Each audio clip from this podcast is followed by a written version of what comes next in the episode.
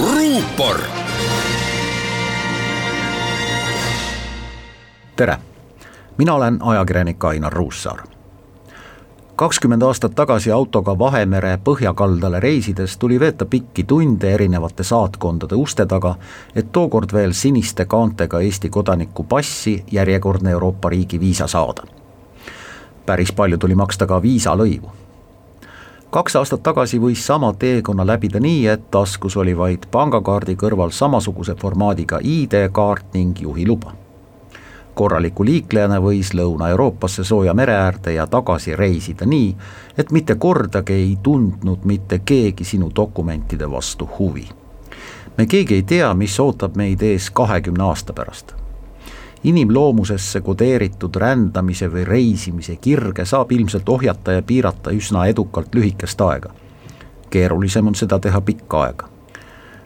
Nõukogude Liidus raudse eesriide taga elades muserdas meid küll teadmine, et päris välismaale sõita ei saa, aga kommunistlik kuuendik planeedist võimaldas raudse eesriide sees siiski liikumist soovi korral võis seigelda Valge ja Musta mere ääres, kõrgmägedes, kõrbetes, orgudes, nostalgilistes iidsetes või siis jubedat nõukogudeaegset olmet peegeldavates uutes linnades. täna on Euroopa ühiskodu otsustajad jõudnud punkti, kus tuleb teha kiireid ja keerulisi otsuseid.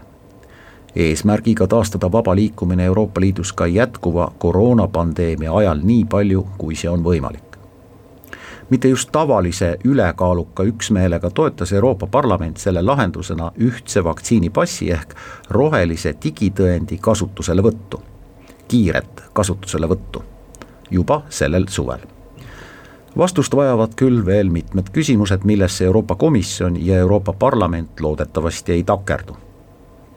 näiteks, kas saab ja kas üleüldse tohib piirata nende inimeste vaba liikumist, kellel on küll taskus Euroopa Liidu pass aga kes ei ole ennast vaktsineerinud.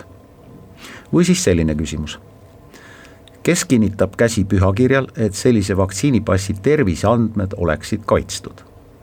vaktsiinipassi kiire kasutuselevõtt eeldab muidugi ka seda, et vaktsiini on piisavalt kõigi jaoks, kes ennast kaitsesüstida soovivad ning kahtlustused vaktsiinide sahkerdamise üle hajuvad vaktsiinipass ehk roheline digitõend hakkab siis näitama, kas selle omanik on vaktsineeritud, saanud negatiivse testi tulemuse või siis viiruse läbi põdenud ja terveks saanud.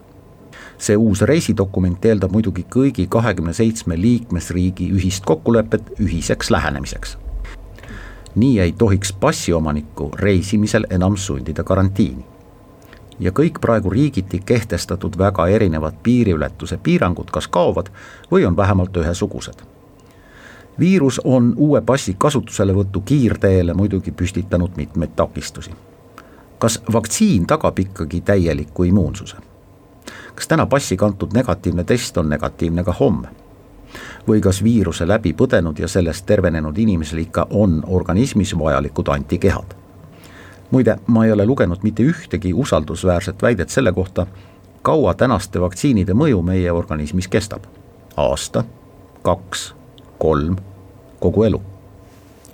praegu on nii, et iga riik piirab reisimist oma pidevalt muutuvate reeglite järgi. nii näiteks peavad alates pühapäevast kõik Saksamaale lennata soovivad inimesed juba enne pardale astumist ette näitama viimase kahe ööpäeva jooksul tehtud negatiivse koroonatesti tegelikult nõuavad sama asja mitmed riigid juba mitu kuud. täna on ütlus elame ja näeme päevakajalisem kui kunagi varem. mina ootan vaktsiinipassi ja selle mõju pandeemiaeelse normaalsuse taastumisele huviga. elame ja näeme. ruupor